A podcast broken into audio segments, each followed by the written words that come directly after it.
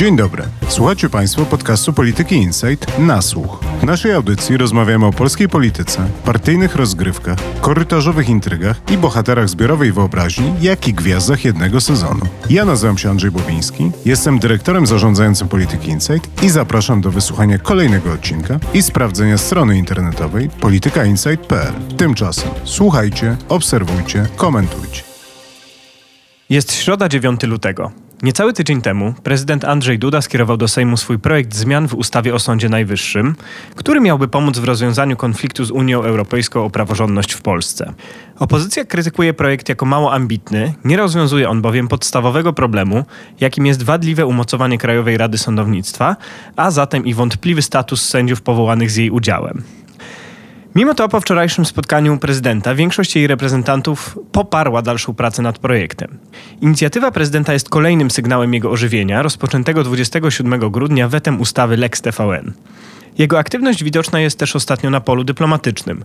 Duda m.in. rozmawiał ostatnio o Ukrainie z sekretarzem generalnym NATO, szefową Komisji Europejskiej i, w ramach pierwszego od dziewięciu lat spotkania na szczycie Trójkąta Weimarskiego, kanclerzem Niemiec Olafem Scholzem i prezydentem Francji Emmanuelem Macronem. Podjął też kontrowersyjną decyzję o wyjeździe na otwarcie Olimpiady w Pekinie jako jedna z dwóch głów państw Unii Europejskiej. O przebudzeniu prezydenta i o tym, co z niego wynika, porozmawiam z Wojtkiem Szackim, szefem działu politycznego Polityki Insight. Ja nazywam się Ryszard Łuczyn, jestem analitykiem do spraw politycznych i zapraszam na nasłuch. Wojtku, we wstępie do podcastu przedstawiłem małą litanię ostatnich działań prezydenta. Nie wiem, czy to nie jest aby najaktywniejszy moment jego trwającej już prawie 7 lat prezydentury. Masz wrażenie, że mamy do czynienia z jakąś jakościową zmianą? Czy wreszcie zaczynamy mieć prezydenta, czy to jest tylko chwilowe wzmożenie? No cóż, można powiedzieć, że rzeczywiście dzieje się bardzo dużo w Pałacu Prezydenckim i wokół Pałacu Prezydenckiego. Natomiast mam wrażenie, że ta poprzeczka była na tyle nisko, że teraz jakikolwiek podniesienie dwóch stóp powoduje, że prezydent ją przeskakuje i że sprawia wrażenie jakiegoś lotu. Natomiast dzieją się rzeczy, które powinny się dziać w każdym normalnym, demokratycznym państwie. Znaczy prezydent składa inicjatywy ustawodawcze, spotyka się z opozycją, zwołuje posiedzenie Rady Bezpieczeństwa Narodowego, kiedy na to by wskazywała potrzeba. Więc dzieje się najzupełniej normalnie, natomiast ponieważ nie jesteśmy do tego przyzwyczajeni, no to wydaje nam się, że stało się coś wyjątkowego, przełomowego i że nic już takie samo nie będzie. Czyli po prostu mamy normalność, która w naszym przypadku jest nienormalna. Zgadzamy się, jak rozumiem, że prezydent wyszedł trochę z tego ostrego cienia mgły, w którym sam się umieścił. Natomiast pytanie, jak trwałe to wyjście będzie? Jak ty uważasz? Czy mamy jakieś sygnały dotyczące tego, że to będzie bardziej długotrwałe ożywienie niż widzieliśmy do tej pory? No przypomnijmy, że przecież to nie jest pierwsze weto prezydenta, które ostatnio widzieliśmy. Grudniowa decyzja była siódmym wetem prezydenta zarządów Prawa i Sprawiedliwości, więc to nie jest precedens. No, prezydent zrobił się ciekawym, za przeproszeniem, obiektem do obserwowania i to, że powiedziałem, że nic wielkiego takiego się nie wydarzyło, to nie znaczy, że się nic nie wydarzyło i że w pałacu nie zaszły jakieś zmiany optyki i polityki. I wydaje mi się, że najbliższe tygodnie pokażą, czy prezydent chce zacząć ten rok z przytupem i kontynuować to w kolejnych miesiącach, aż być może do końca nawet swojego urzędowania. Wskaże na to niewątpliwie to, co się wydarzy z jego projektem sądowniczym, a także jego decyzja w sprawie Lex Czarnek. To zajmijmy się na chwilę tym projektem sądowniczym, bo przewiduje on likwidację Izby Dyscyplinarnej Sądu Najwyższego i zastąpienie jej Izbą Odpowiedzialności Zawodowej, natomiast opozycja dość zgodnie i moim zdaniem zdecydowanie słusznie ocenia ten projekt jako mało ambitny, dlatego że sędziowie z tej izby będą mogli orzekać w innych izbach, dlatego że ten projekt nie rozwiązuje problemu upolitycznionej Krajowej Rady Sądownictwa i problemów z powoływaniem sędziów przy jej udziale. Jednocześnie większość reprezentantów opozycji po wczorajszym spotkaniu deklarowała, że chcą nad projektem pracować. Natomiast nie jest też tak, że ich entuzjazm był jakoś przesadnie duży. W takim razie, co będzie dalej z tym projektem? No, Prawo i Sprawiedliwość, wczoraj reprezentowane w osobie Ryszarda Terleckiego, nie było szczególnie entuzjastyczne wobec projektu. Koalicja Obywatelska zdecydowanie entuzjastyczna nie jest. Co dalej więc? Tutaj mała dygresja. Ja pamiętam jak na studiach, na zajęciach z logiki tłumaczono nam, na czym polega rozumowanie indukcyjne, czyli na takim przykładzie, że się idzie ulicą i jest 20 domów, z których każdy jest czerwony, to można założyć, że ten 21 też będzie czerwony i jest to właśnie przykład rozumowania indukcyjnego. Więc gdyby zastosować takie akurat rozumowanie do tego projektu, no to wynikałoby z tego, że czeka nas spektakularna klapa, ponieważ wszystkie inicjatywy prezydenta do tej pory poważniejsze kończyły się tak samo, czyli grzęzły w Sejmie albo w Senacie, tak jak referendum konstytucyjne, albo w praktyce politycznej, jak odwołanie prezesa TVP Jacka Kurskiego. Natomiast to rozmowanie indukcyjne nie jest niezawodne i być może ten 21 dom okaże się zielony, a nie czerwony i być może coś się z tego projektu urodzi. To jest w ogóle bardzo ciekawa sprawa. Prezydent poszedł wbrew linii PiSu w tym swoim projekcie. To jest nie tylko ukłon w stronę Komisji Europejskiej, ale to jest także ukłon w stronę sędziów Sądu Najwyższego. Przypominam, że w tym projekcie jest przepis, który przewiduje, że liczba sędziów Sądu Najwyższego nie może być mniejsza niż 120. Natomiast wcześniej Jarosław Kaczyński zapowiadał radykalne odchudzenie tego sądu i nawet do około 20 sędziów, na co nie chciała się zgodzić pierwsza prezes Sądu Najwyższego Małgorzata Manowska i co zrozumiałe, większość sędziów tam zasiadających i zdaje się, że to w ogóle połączyło nawet tych starych sędziów tak zwanych z tymi neosędziami, którzy trafili tam później. Tutaj jakaś wspólnota interesów się odezwała. Więc ten projekt prezydencki nie podoba się w PiSie co do zasady, bardzo się nie podoba w Solidarnej Polsce, nie podoba się z kolei, co zrozumiałe, koalicji obywatelskiej, która nie widzi w nim żadnego rozwiązania, żadnego problemu.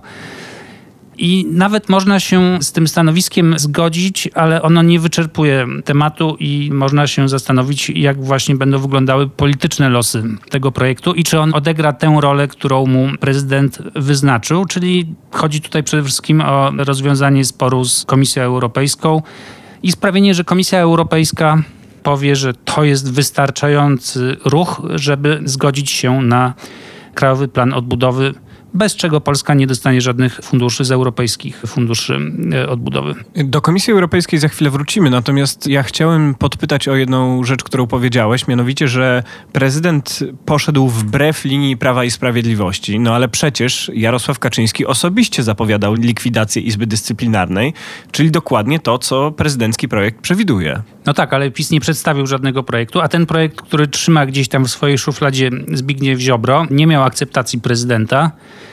Jak rozumiem, była na niego zgoda Nowogrodzkiej, więc to, że teraz prezydent wyszedł z własnym projektem, który niespecjalnie podoba się PiSowi. Wskazuje na to zresztą ta pierwsza deklaracja Anity Czerwińskiej, rzeczniczki PiSu, która powiedziała, że no, z szacunkiem podchodzimy do tej inicjatywy, ale my tu mamy własny projekt, który jest na finalnym etapie konsultacji i to on ustabilizuje system prawny.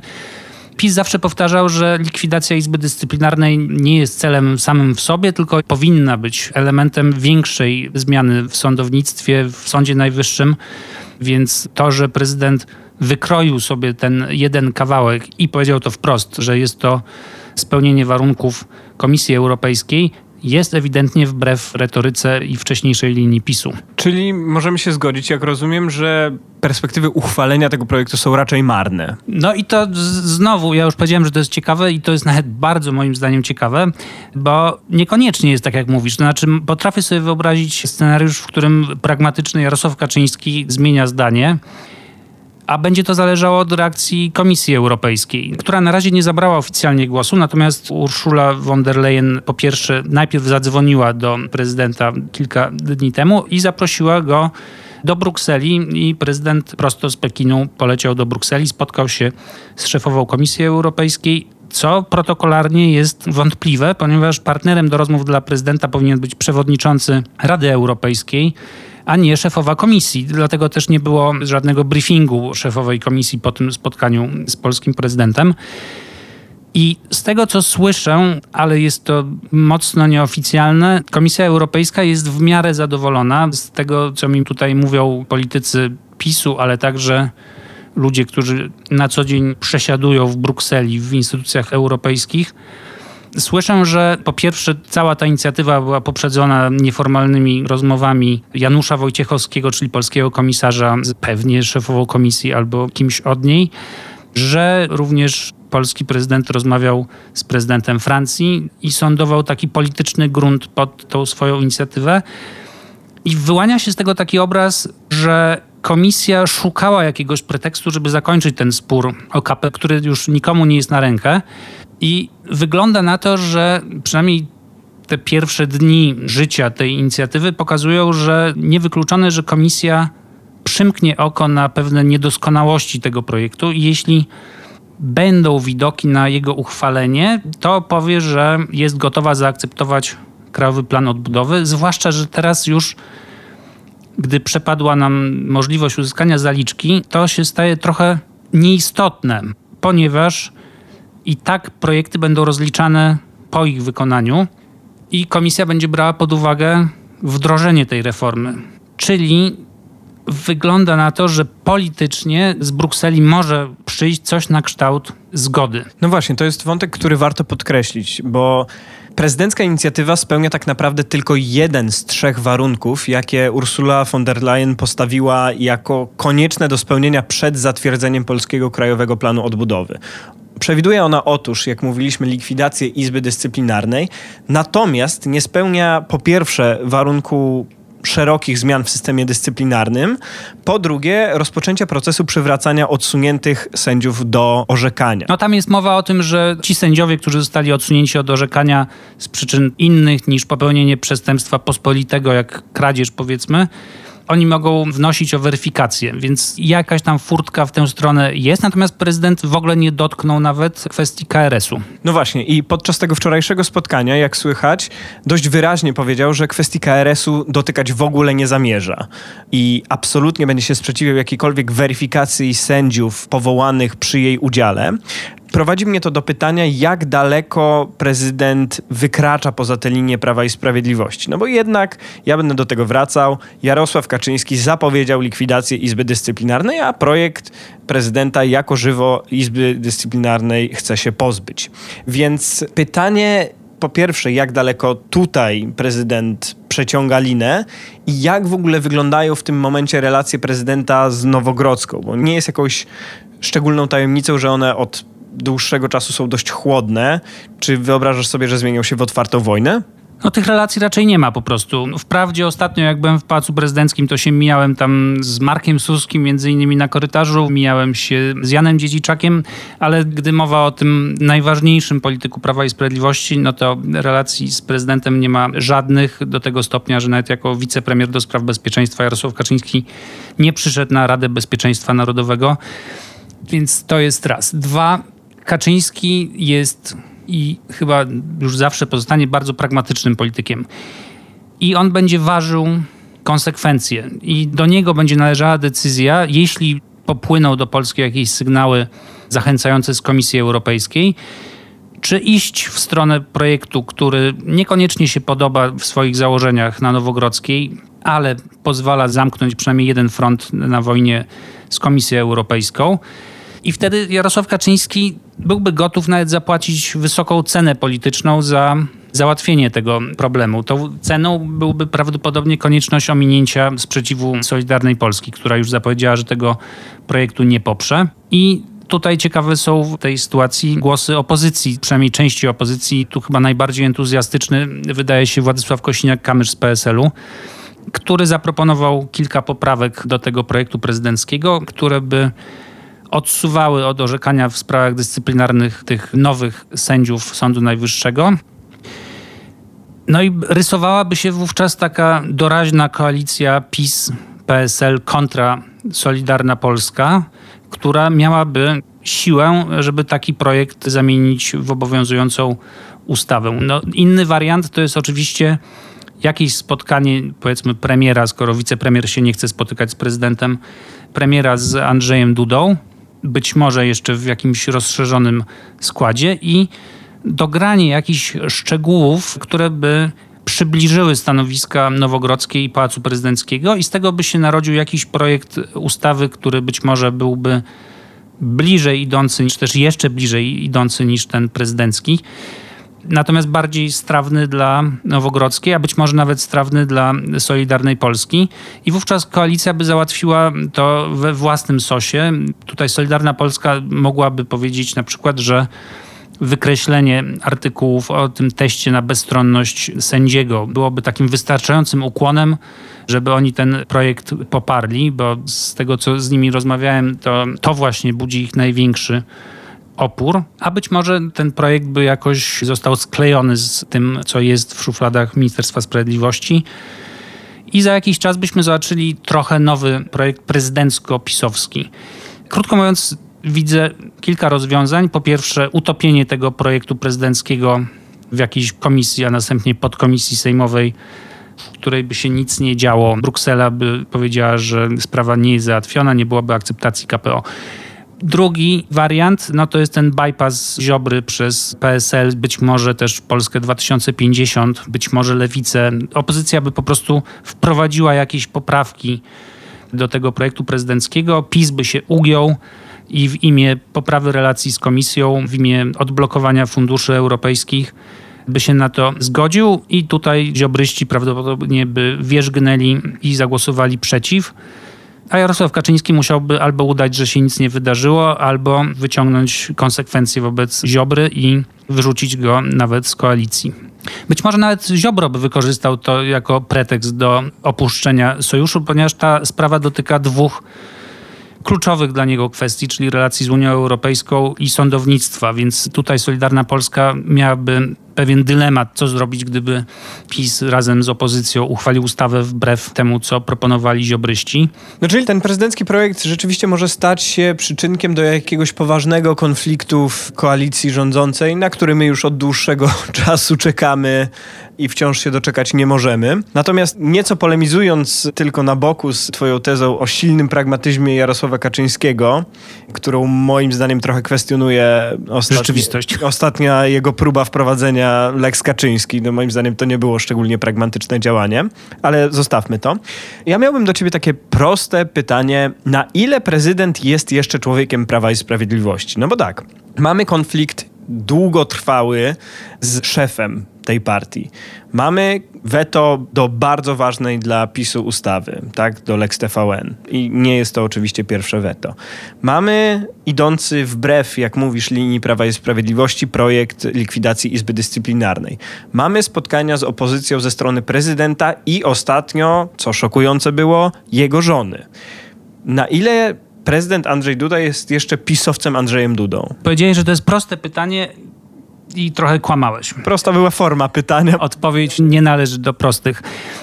Jeśli by spojrzeć na otoczenie prezydenta, to tam się praktycznie nie uchował żaden polityk pisowski. To jest naprawdę zdumiewające. Takim jedynym politykiem, który mi przychodzi do głowy, no to jest Andrzej Dera, który należał do Partii Solidarnej Polski, do ziobrystów.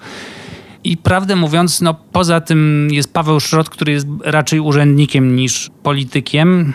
Jest Jakub Kumoch, który jest dyplomatą i byłym dziennikarzem.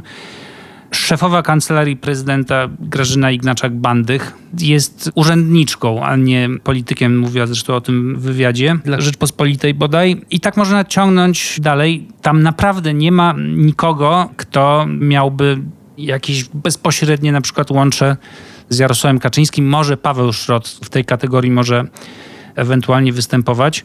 No wcześniej takim łącznikiem na pewno był Krzysztof Szczerski, który był zadomowiony w PiSie. Byli inni politycy, chociaż szczebla raczej niskiego. Był Paweł Mucha, z kancelarią żegna się teraz powoli Adam Kwiatkowski, który ma być ambasadorem w Watykanie.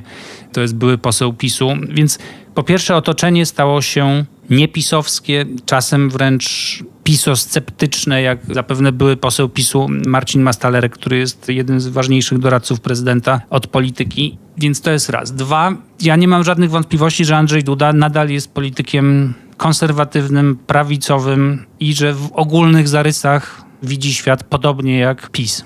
I co bardzo charakterystyczne dla pisowskiego sposobu bycia, ma ewidentnie alergię na Donalda Tuska, którego nie zaprosił na ostatnią Radę Bezpieczeństwa Narodowego.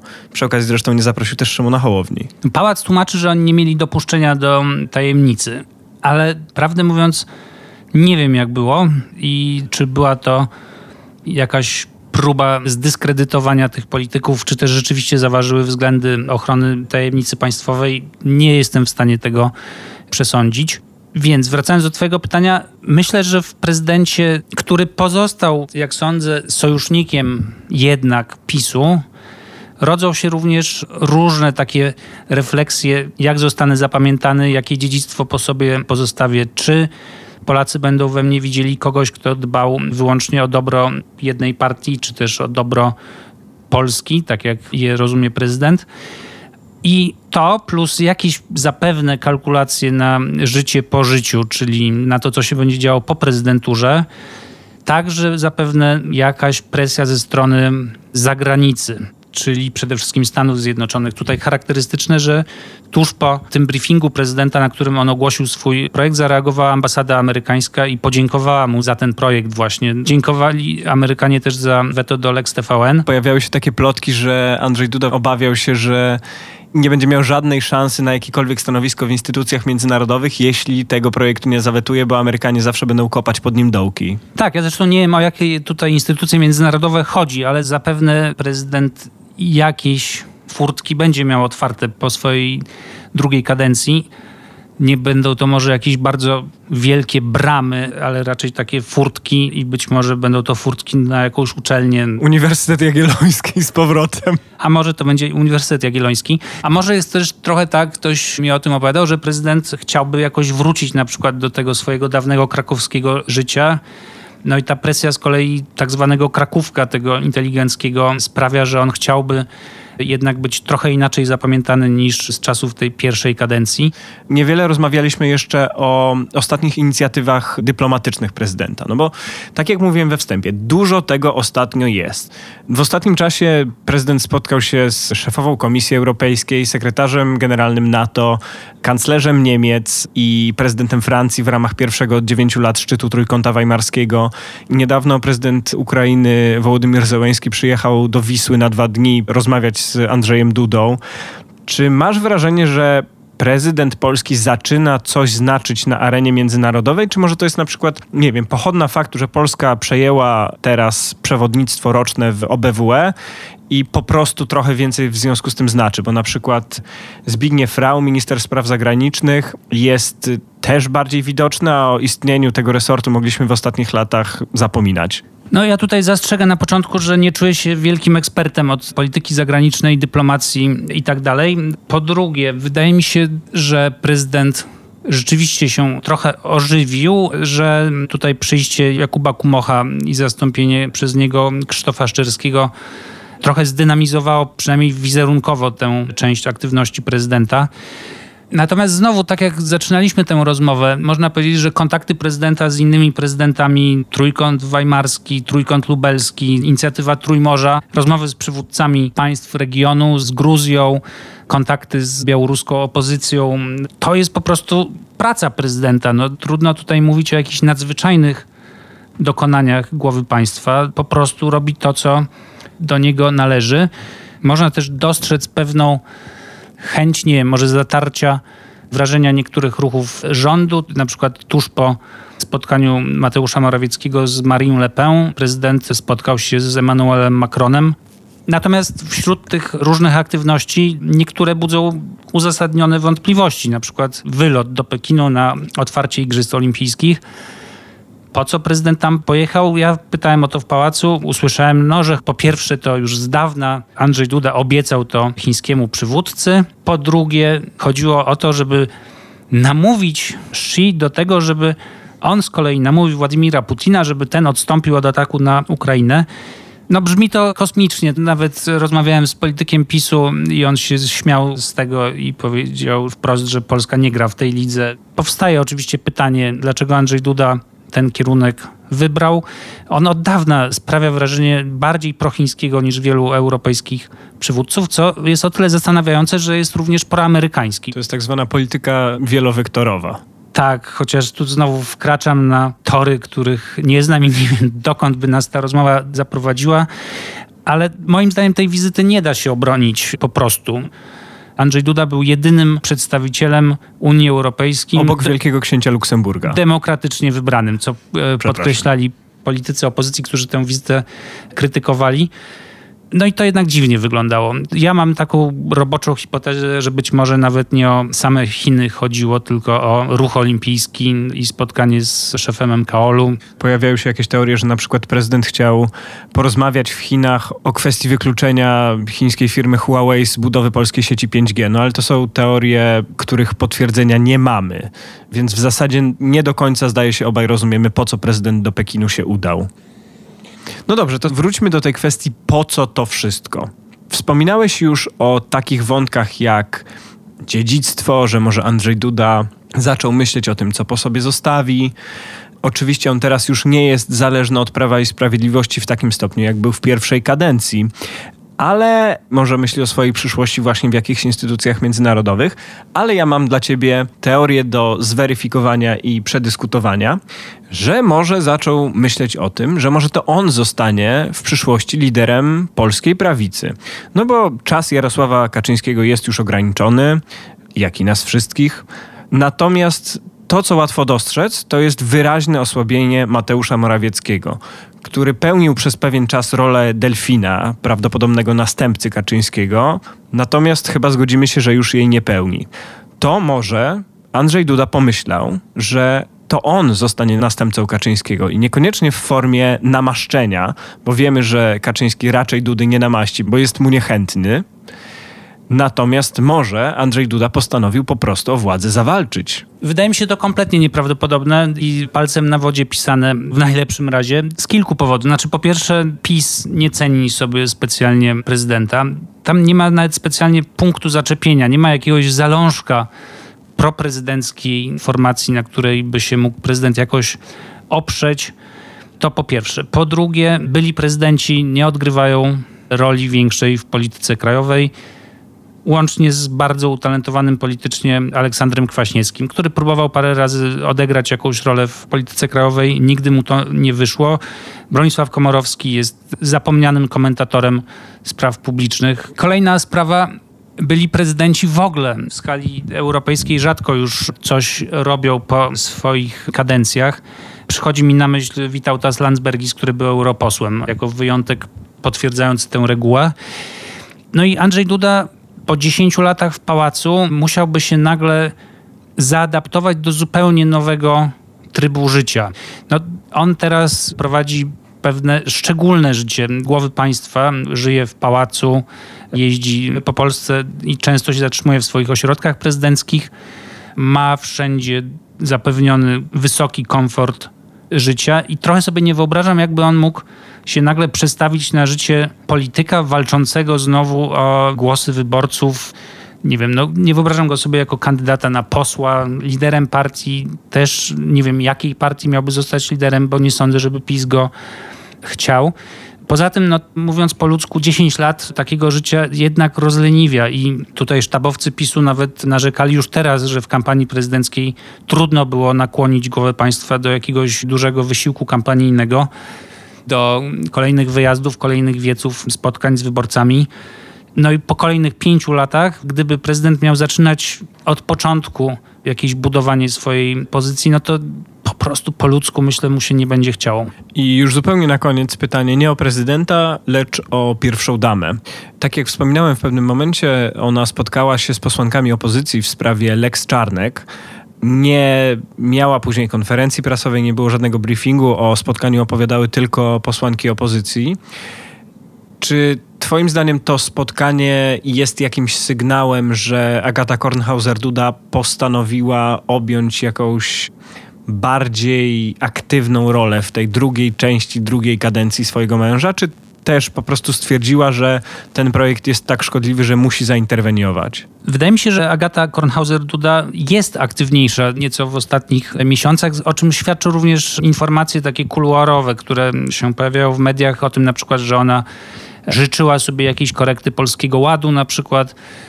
Nagle po latach milczenia, po latach, gdy w zasadzie jeśli były jakieś informacje o niej, to właśnie o tym, że milczała względnie miała jakiś wpływ na politykę kadrową w pałacu, ale to nie jest specjalnie interesujące ogół opinii publicznej, że pani prezydentowa nagle zaczęła coś działać w szeroko rozumianej polityce i na to by wskazywało właśnie to spotkanie. Po tej rozmowie z posłankami opozycji one powiedziały, że gdyby to od pani prezydentowej zależało, to ustawa nie weszłaby w życie i nie było dementii Pałacu Prezydenckiego. Później Agata Duda spotkała się też wraz ze swoim mężem, z ministrem Czarnkiem, który przekonywałby tej ustawy nie wetować, ale podobno takiej deklaracji nie usłyszał na spotkaniu z parą prezydencką. Więc tutaj wydaje mi się, że możemy być zaskoczeni tym, co zrobi prezydent, gdy już ta ustawa znajdzie się na jego biurku. Zaskoczeniem będzie weto, czy jego brak? Zaskoczeniem byłoby weto, albo skierowanie ustawy do Trybunału, albo no, jakiś ruch inny niż podpis. Przypominam również, że z szefem ZNP, który protestuje przeciwko tej ustawie, spotkała się prezydencka minister Bogna Jankę. No i te wszystkie konsultacje pałacu na wysokim lub najwyższym szczeblu pokazują, że prezydent przynajmniej rozważa ruch inny niż zwykły podpis pod tą ustawą. Jeśli angażuje się również ze swoim autorytetem pierwsza dama, no to tym bardziej uprawdopodobnia to scenariusz, w którym prezydent wyrazi jakoś sprzeciw wobec tej ustawy. Oczywiście nie wiadomo, co on zrobi, ponieważ prezydent bywa przynajmniej labilny w swoich decyzjach i nawet na parę godzin przed podpisaniem lub niepodpisaniem ustawy może mu się odmienić. Ale wydaje się, że Andrzej Duda, jeśli ufał Trybunałowi Konstytucyjnemu pod przewodnictwem Julii Przyłębskiej, to ostatnio przestał, bo przecież przy okazji tego weta do Lex TVN on dość wyraźnie powiedział, że miał obawy, że Trybunał by nie, nie wziął, pod uwagę jego argumentów. Tak. Więc myślę, że to akurat się nie zmieniło, ale no, intryguje mnie, czy prezydent uzna, że wystarczającym sygnałem dla opinii publicznej będzie właśnie skierowanie ustawy do Trybunału i odwleczenie jej wejścia w życie, czy też ją podpisze, a może zdecyduje się na weto, które by jednak mocno zadrażniało jego relacje z pisem dodatkowo. Które i tak zadrażnione już właśnie są. Czyli podsumowując naszą rozmowę, możemy sobie, zdaje się, niekontrowersyjnie dość stwierdzić, że normalnymi zadaniami prezydenta nie jest jazda na nartach czy rapowanie, a spotkania z przywódcami, przedstawianie inicjatyw legislacyjnych, podejmowanie prób godzenia władzy i opozycji. I wydaje się, że Mamy prezydenta w tym momencie, z którym można się nie zgadzać, można oceniać go jako mało ambitnego, ale przynajmniej próbuje w stronę tej normalności dryfować. Jak długo ta sytuacja potrwa jeszcze nie wiemy, ale będziemy się oczywiście przyglądać. Dziękuję Wojtku za rozmowę. Dzięki.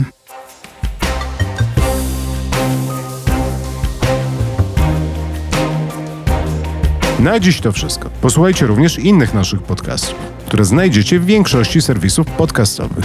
W pole wyszukiwania wpiszcie po prostu Polityka Insight. Słuchajcie, obserwujcie i komentujcie. Do usłyszenia.